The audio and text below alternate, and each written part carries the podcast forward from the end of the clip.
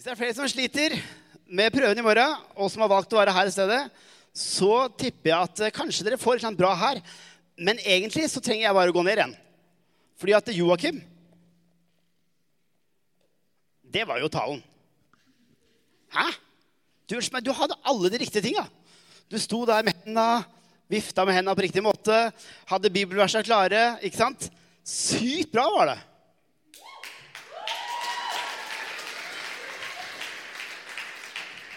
Det har jo selvfølgelig ingenting å si hvor du holder hendene. Ikke sant? Det har ingenting å si. Men du kommuniserte knallbra det du hadde kommet med. Supert. Takk skal du ha. Jeg tenkte egentlig at nå kan jeg bare reise hjem igjen. tenkte jeg egentlig. Samtidig med at jeg, har, jeg, tror jeg har fått noe som jeg tenker at jeg har lyst til å gi til dere. Um, det er jo selvfølgelig ikke så viktig og bra som det som Joakim har sagt, men allikevel så jeg, tror jeg har noe. Um, for at jeg har lyst til å si litt fra mitt liv. Så det betyr ikke at livet mitt er så viktig, men jeg har erkjent noen ting som jeg, når jeg ser tilbake på, på mitt liv. Jeg har vokst opp i en ganske normal familie. Eh, foreldrene mine var kristne, og eh, broren min var kristen. Eh, det var på en måte oss fire. Broren min var sur eh, ifra han var ca. 13 til 25 eh, omtrent. Så var han sånn Typisk, Du veit åssen tenåringer er. Slå med døra, være sur, vil ikke spise maten. Er sur for alt eller ingenting. Ja, så Ca. fra han var 13 til 25 så var han sånn smågretten. Eh, en dag når han var 25 år, så kom han ned på julaften og sa han, nei, nå gidder jeg ikke være sur mer. og siden det så har han ikke vært sur. så det er veldig kult. Eh, og så han har på en måte hatt sin greie i sitt liv. Eh, nå driver han og leder lovsang på IMI og er eh, med i masse, masse, gode ting. Livet hans har gått, eh, gått ja, bedre enn man skulle tro, for å si det sånn. For min del så levde jeg ganske trygt og, og rolig fram til jeg var 16. Så begynte jeg på videregående. Og så var det sånn at jeg var blant de uheldige som ikke kom inn på det som de ville. Istedenfor alle vennene mine kom inn på det som var Sandefjord eh, gymnasium. Og jeg kom inn på Handelsgymnasium. Og så er jeg så sinnssykt gammel at når vi skulle lære å skrive touch, så skrev vi på hold deg fast, skrivemaskin. Det her var i forrige årtusen. ikke sant? Noen av dere var ikke født engang. Jo, det er mange som ikke er født da. Eh, ingen har født nesten, kanskje. Og så var det sånn at når vi gikk på skolen der, så kjente jeg ingen. Kanskje du kjenner deg litt igjen. Og så måtte jeg bli kjent med noen. Jeg hadde ingen Nå ringer Bente, vet du. Jeg, betyr, jeg, må, jeg, jeg, sorry, jeg må ta den her, bare. Hallo? Sorry. Du, det passer litt dårlig. Jeg holder på å tale akkurat nå. Kan jeg snakke senere? Nei, jeg gjør ikke det. Ha det. OK. Eh, så var det sånn at jeg traff noen kamerater. Og så har jeg tenkt de har påvirka meg egentlig mye mer enn det jeg trodde. Fordi at de gutta her de sa sånn 'Du, Karsten, vi skal ha en fest i helga. Vil du bli med?' Så det er fest, tenkte jeg. Det er jo kjempefarlig. Ikke sant? Fest er jo superfarlig. Jeg hadde vokst opp i veldig trygge kår. Så da jeg kom bort til Erling, som han kameraten het, så fikk jeg en ølflaske i handa og så tenkte jeg, 'Hjelp meg. Det, det, det, her er jo forferdelig.' Ikke sant? Og så drikker jeg litt, og så bare Så var det forferdelig. Det var forferdelig. ok? Så hvis du tenker at øl er kjempekonge Nei, det var ikke det. Ok? Det var ikke bra. Men så, smakte jeg litt på den, og så ble jeg med på fest. Og så var det noen jenter et sted, og så ble jeg mer på fest. Og så sa, sa Erling du Karsten, du kom opp til oss fordi uh, vi skal se en film. Og så sa jeg ikke sånne grøssere. sa jeg. Nei, nei, nei, er du gæren? Ikke grøssere. og så kom jeg opp til Erling med mopeden min. Og så sier mora til Erling ja, du kan bare gå ned. De sitter nede i kjellerstua. Ok, Så går jeg ned. Og inn i kjellerstua helt mørkt. Ikke sant? Tenker jeg, ok, greit, hvor er de gutta? Setter meg ned i sofaen. Og så hører jeg at døra blir låst på utsida. Og så skrur jeg på TV-en, og så, og så er det midt i en grøsser. Ikke sant? Og jeg bare Og så plutselig hopper det fram to kamerater bak sofaen. Ikke sant? Som har skremmer livet av meg. Og jeg blir sur og sinna, men prøver på en måte fortsatt å være kul. Noe som ikke er så enkelt når du er sur. Og Jeg husker ikke helt åssen resten av kvelden går, men det jeg husker veldig godt, det er når jeg skal komme meg hjem. For jeg har moped, og jeg husker veldig godt at jeg setter meg på mopeden, livredd, og tenker Kommer det noen folk foran meg i veien nå? Jeg kjører dem rett ned! Aldri i verden om jeg skal stoppe. For de som kommer til å komme foran meg, det er mordere. Ikke sant? Jeg var livredd for de folka. Hvor mange er det som angrer på at de har sett grøsser i sitt liv? Det burde være mange flere. Ok? For grøssere, de gjør noe med deg. Hvis du tenker sånn 'Jeg er så kul, jeg merker det ikke engang.' Øh, ikke så farlig meg. Ikke sant? Jo, det gjør noe med deg. Du er redd noen ganger om kvelden, og du tenker hvis du skal gå inn i et mørkt hus uh -oh. Og ungene mine de har blitt så gamle at de, Jonas som er tolv, han har tydeligvis sett noen ting på nettet som han ikke burde sett. For at han kan ord og uttrykk som jeg tenker Hvor i verden har du fått det derfra? Og sier 'Har du sett på det?' Nei, nei, nei. nei. Men det er jo fra den, den filmen. Uh, hvorfor, er Jonas, hvorfor er Jonas redd for små dokker med blod i munnen, f.eks.? Han er tolv år. Han skal ikke vite at små dokker med blod i munnen er farlig. Men det gjør han likevel. Hvorfor det? Fordi han har fått det med seg på en eller annen måte. Og da kan jeg si, 'Nei, Jonas, det her er ikke bra for deg.' Tror du han stopper å se på det? Nei, det gjør han ikke. For det er en sånn tiltrekningskraft på den der. Og så er det der litt sånn snodig. Fordi jeg visste med meg sjøl at det var ikke bra for meg å gå på den festen. Jeg visste med meg sjøl at jeg ville egentlig ikke se på de grøsserne. Men jeg ble med på fest igjen og igjen og igjen, og jeg så i filmer igjen og igjen og igjen og var livredd. Og når jeg kom hjem om kvelden, husker jeg satt mopeden i garasjen og løpte. Ikke noe sånn småløping. Jeg sprinta opp på Ikke, ikke på badet, for det var, jo, det var skummelt. ikke sant? Opp og på rommet mitt og under dyna, og der var det trygt. Jeg var 16. Jeg burde ikke vært så redd, men jeg var det fordi at noen hadde kødda med huet mitt og sagt at ting var skummelt. Vi blir påvirka. Og det vil jeg si til deg i dag. Du blir påvirka. Ikke tro at du ikke blir det. For vi er skapt av Gud som sosiale vesener. Og en eller annen smart fyr sa en gang Du blir ca. gjennomsnittet av de folka som du henger med. Du blir gjennomsnittet av de folka du henger med.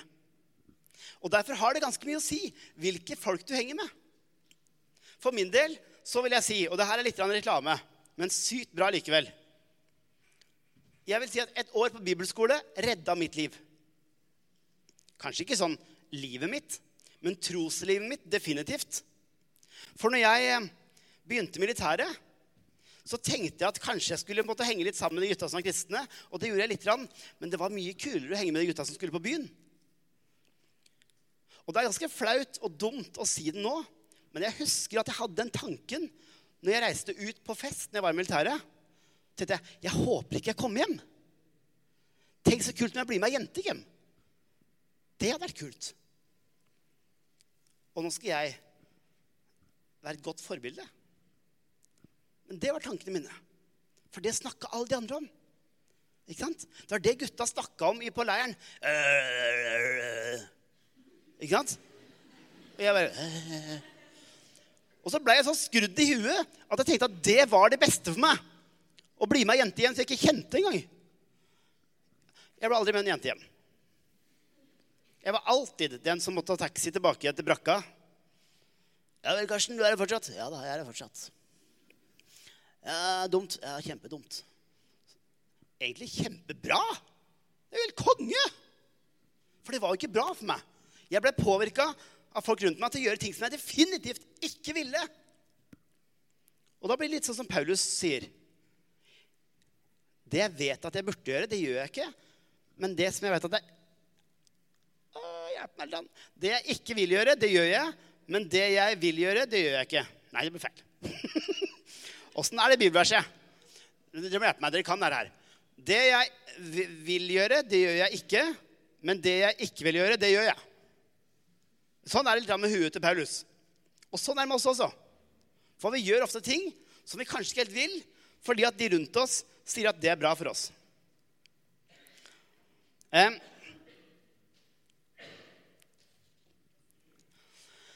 Så går dere på en kristen skole.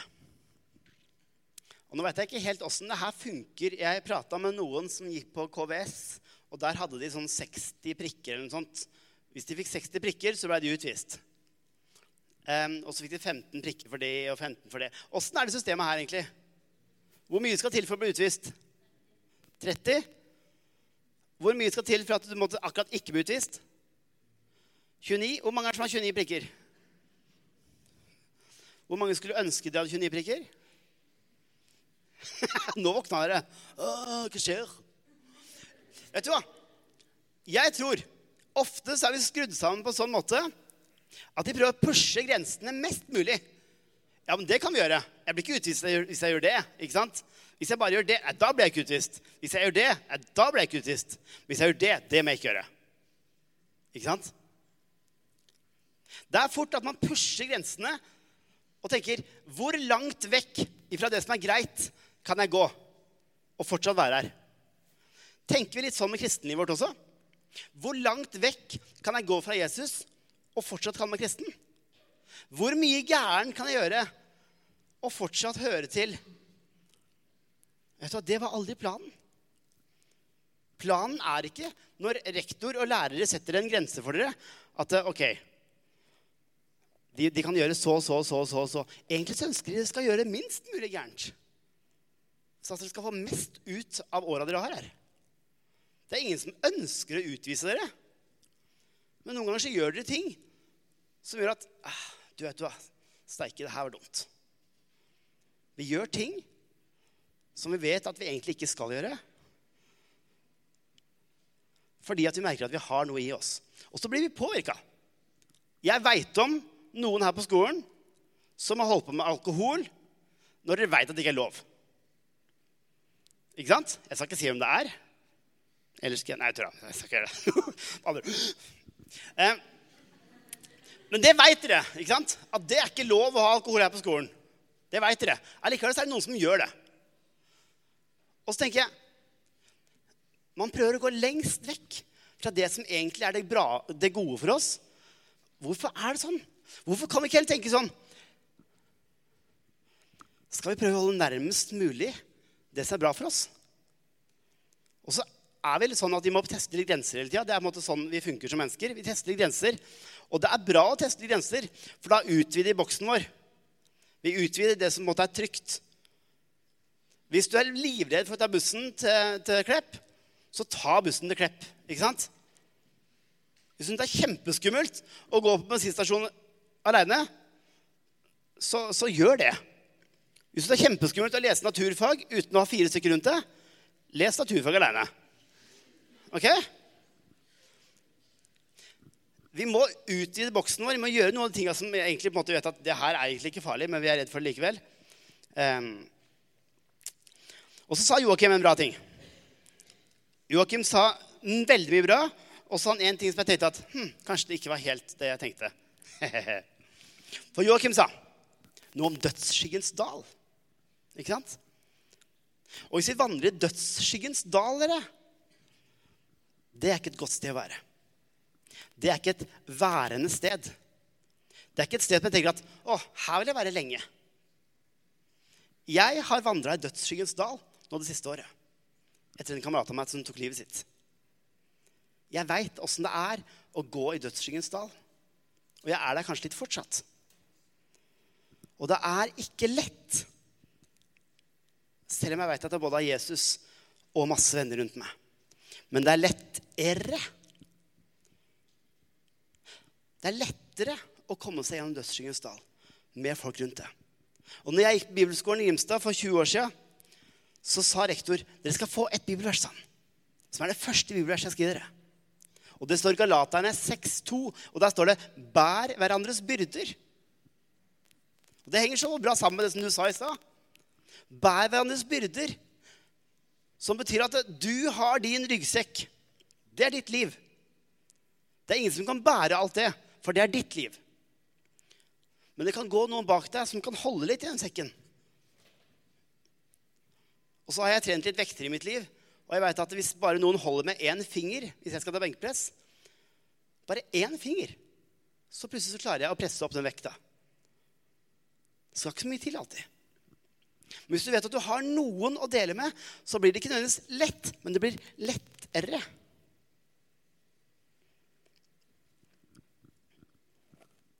Når vi veit at livet vårt blir påvirka av andre, så kan vi velge hvordan vi tar det imot.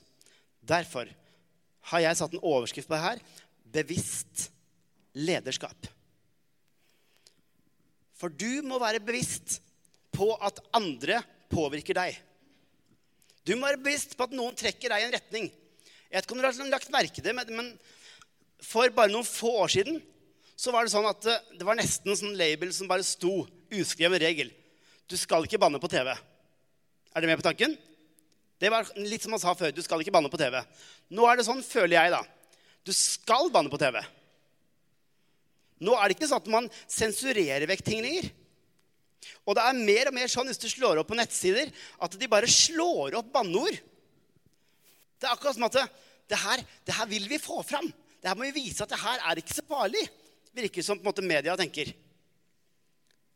Og selv om Jorunn Almås på kjendis, kjendiser på tur har vært tydelig overfor hun der dama Dere vet hva jeg snakker om? Det er ei som er på tur, som har vært med i et eller annet uh, sinnssykt dårlig program på TV. Der de kler av seg kler av og hopper rundt omkring og drikker hele tida. Og som hadde et sinnssykt dårlig språk. og så sier han til henne ok, du trenger liksom ikke si alle banneorda at du dunker så vidt tåa borti en stein. Ikke sant? Han sier at vi, må på en måte, vi trenger ikke alle de dumme orda hver bidige gang. Jeg tror at samfunnet vårt kommer til å bli påvirka av hva mediene sier. Når det, blir, når det, blir, mer og mer normalt å banne på TV, så blir det mer og mer normalt og allmenn kjent for folk. Jeg har jobba med ungdom nå ganske lenge. Nå skal jeg si noe som jeg ikke pleier å si på en scene, men jeg tror at ordet 'herregud' er noe som folk egentlig ikke tenker at det er banning lenger. Det er nesten sånn at det er et ord som måtte det er jo ikke banning, Karsten. Hallo. Fordi at jeg hører på en måte en del kristne også som sier det. Og så sier de 'Oh my God'. Det betyr jo akkurat samme. Det er jo banning, det også. Men fordi at mediene er så obs på at det her er ikke så farlig, så blir vi påvirka av det. Jeg tror ikke det er bra for oss. Jeg tror det her handler om at vi går mer og mer vekk fra Gud. Ja, men jeg kan være kristen selv om jeg gjør det. Jeg kan være kristen selv om jeg gjør det. Jeg kan være kristen selv om jeg gjør det. Jeg kan være kristen selv om jeg gjør Ja, jeg vet ikke om jeg er kristen lenger. Og så føles den veien tilbake igjen ganske lang noen ganger. Jeg vil oppfordre dere til å huske på at dere er ledere. Kanskje ikke sånn i ordets rette forstand. Sånn at, ja, jeg, ikke, jeg, står jo ikke og leder et møte. eller Det er ikke jeg som er på en måte klassekontakt eller klassestyre. eller klassegreier. Det er ikke jeg som på en måte har vært, sittet i det styret. Det er ikke jeg som på en måte Jeg er ikke noen leder, Karsten. Vet Du du er en leder. For det er noen som følger etter deg. Og da er du en leder. Kanskje det er småsøsken. Kanskje det er noen i klassen din. Kanskje du går i tredje, og så er det noen i første som ser opp til deg. Du er en leder.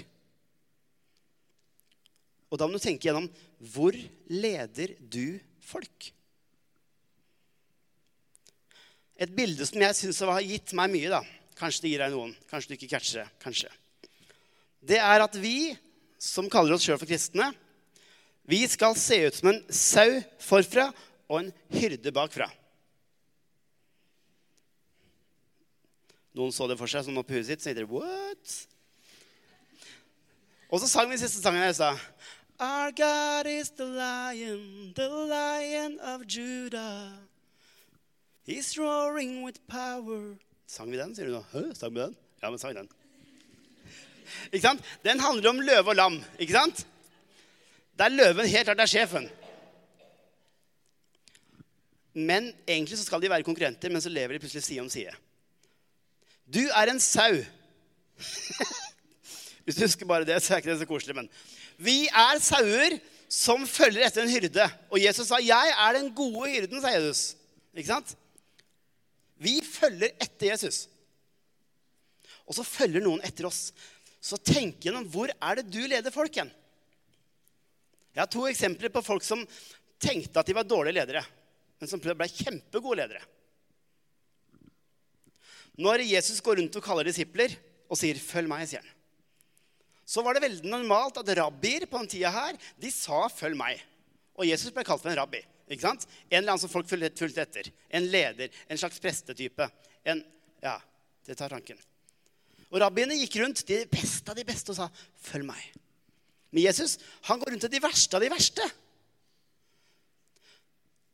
Det er litt spesielt, og Jesus går bort til Matteus og sier 'følg meg'. Jeg tipper at de andre som gikk med, jeg tipper er sånn Nå, her går grensa. Han der Det er greit med fiskere. Det er greit. Han der aldri i verden. Han der skal i hvert fall ikke jeg ha noe med å gjøre. For Matteus, han var landssviker. Og Matteus han hadde begynt å jobbe for fienden, for romerne. Og de som jobba for tyskerne, dere, når vi var okkupert, de var ikke særlig populære i etterkant. Så det at Matteus skulle være med gjengen til Jesus En landssviker, en toller, en fyr som bare hadde ditcha alle sammen Det tipper jeg var en del som reagerte på. Men Matteus ble også en leder. Matteus sa, 'Jeg vil følge etter'. Og det står at han slapp det han hadde, og gikk. Når Jesus sier 'følg meg', slipper han det han har, og går. Og så plutselig er han på lik linje. Vi stiller også på lik linje, dere. Og uansett hva du tenker Kanskje, kanskje jeg har vekka borti noen, rørt, rørt borti noen steiner i livet ditt nå i dag. Kanskje jeg har toucha borti noen ting som du tenker ah, det der er jeg ikke stolt av, Karsten. Hvorfor sa du det? Ah. Eller jeg prøver jo å spille en rolle, men Det er tinga de kjenner Jesus. For han er der. Han er der med de tinga som du gjør. Han er der med de tinga, tankene som du har. Han er der med de tinga du ser på nettet. Han er der. Det er ikke noe nytt for han. Så velger han deg likevel. På samme måte som han valgte Matteus. Likevel. Og så kan du få lov til å være med og gå i gjengen hans. Og så er det noen som følger etter deg. Vi mennesker har mulighet til å bli påvirka, og vi har mulighet for å påvirke andre. Så vet du hva? Trekk med deg folk. Få med deg folk på møter og sånn her, greiene her. Les i Bibelen sammen.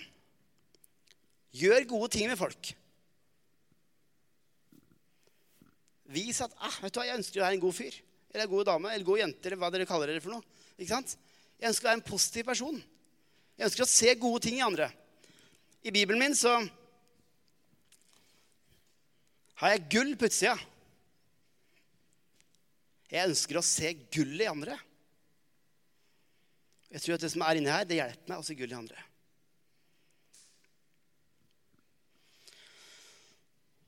Så hvordan er man en eh, person som klarer å lede andre på bra ting?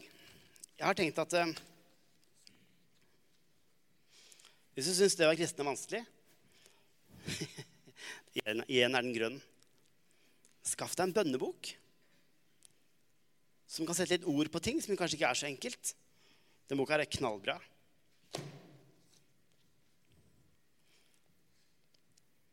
Lær deg å hvile. Jeg tror generasjonen deres Jeg prata med går i tredje. Og hun sa Karsten, vi gjør det kanskje bra. Vi klarer oss fint. Men folk har aldri slitt mer psykisk enn nå.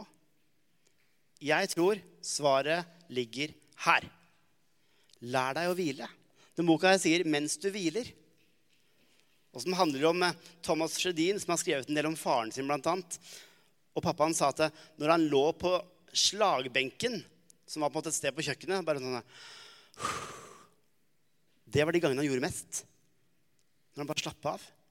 Samla krefter. Roa ned. Sabbaten, sånn som jødene har, knallbra greie som vi har mista fullstendig. Jeg har ikke lyst til å gi dere alle svar i dag, men finn ut mer om disse tingene her. Hvile dere. Det har dere så sykt godt, da. Men djevelen kommer til å spise opp tida deres, så sett av tid til hvile. Kjøp deg hengekøye. Finn deg tre og slapp av i. Ikke sant? Ha et eget sted som sier at her skal jeg ikke ha mobil. Her skal jeg bare være. Netflix får være Netflix. Type, dame får være type. Nå, Gud, en halvtime. Åh, takk skal du ha. For stresset ditt, det gir du videre til andre. For du er en leder, du også. Og vær bevisst på hvor du leder folk hen. Som sagt så har jeg ikke lyst til å gi dere I dag gir jeg dere masse tanker. Masse ting som jeg måtte hiver ut. Um, noe kommer til å treffe dere. Og så tror jeg at når Gud, når Gud jobber, da, ut fra sånn som jeg har, uh, hvis jeg har forstått det riktig Når Gud gir oss ting um, Gjennom Bibel, gjennom sang, kanskje noen som taler, um, kanskje noen du treffer på gata, et eller annet sted, så tror jeg noe er til deg, og noe du får, det er til andre. Og noe er til deg etter hvert. Kanskje det ikke passer inn i livet ditt akkurat nå.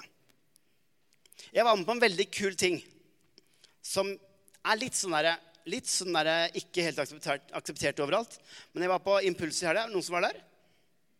Yes, konge. Og så var jeg på lederdagen etterpå. Noen som var der? Én. jo. Eh, og der var det noe som kaltes profetisk betjening. Og det var kult. Jeg var litt sånn skeptisk. tenkte på en måte, ok, hva er det her for noe? Jeg gikk inn i rommet, satte meg ned, og sitter det to damer der. Jeg vet ikke hvem de er. De vet ikke hvem jeg er. Jeg tenkte jeg skulle holde foran lappen, så at de ikke visste måte, hva navnet mitt var engang. Ikke sant? Og så sa de Ja, hva heter du? Hei, hei, sa jeg til Karsten. Flott, Karsten. Hei, sa de. Velkommen. Hei. Da sa de da skal vi be og lytte. Og skal vi høre om Gud gir oss noe som er til deg. Det, det, det her blir interessant. Ikke sant? Hva i all verden kommer nå? De vet ingenting om meg. For alt jeg vet, de, jeg kunne vært vaktmester i kjerka. ikke sant? For det her var på en måte en dag for folk som var liksom forskjellige greier. Og så kommer de og så sier de, Karsten, jeg får et bilde av eh, en som er far for mange. Jeg får et bilde av eh, en som har stått i tjeneste i lang tid. Og jeg bare føler at Gud sier at han er veldig takknemlig for at du har gått sammen med unge mennesker i lang, lang, lang tid.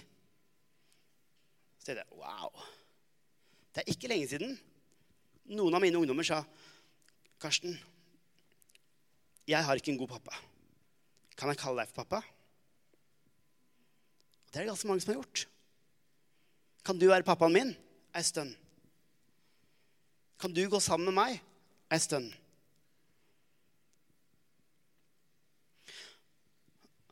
Og så sa hun andre at jeg får et bilde på at eh, det er noe nytt som skal skje.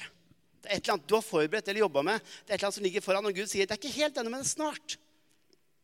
Og så har vi begynt i kjerka der jeg jobber, så har vi begynt å tenke litt nytt i forhold til ungdomsarbeidet. Og vi har begynt å forberede noe som vi har tenkt at skal komme, men vet ikke helt hva det er for noe ennå.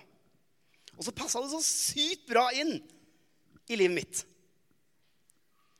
Og så tenker jeg, Sånn kan Gud jobbe. Jeg var skeptisk. Jeg er på en måte, jobber i kjerka, ikke sant? lutheraner. og Når på en måte de litt mer karismatiske kommer, så tenker jeg sånn hva er det her for noe? Men det passa så godt for meg. Det var rett inn i mitt liv. Og så var det ett bilde til slutt som jeg ikke skjønte noen ting av.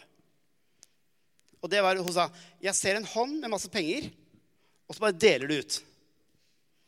Og så tenkte jeg jeg vil jo egentlig dele ut, mens kona mi hun vil ikke det.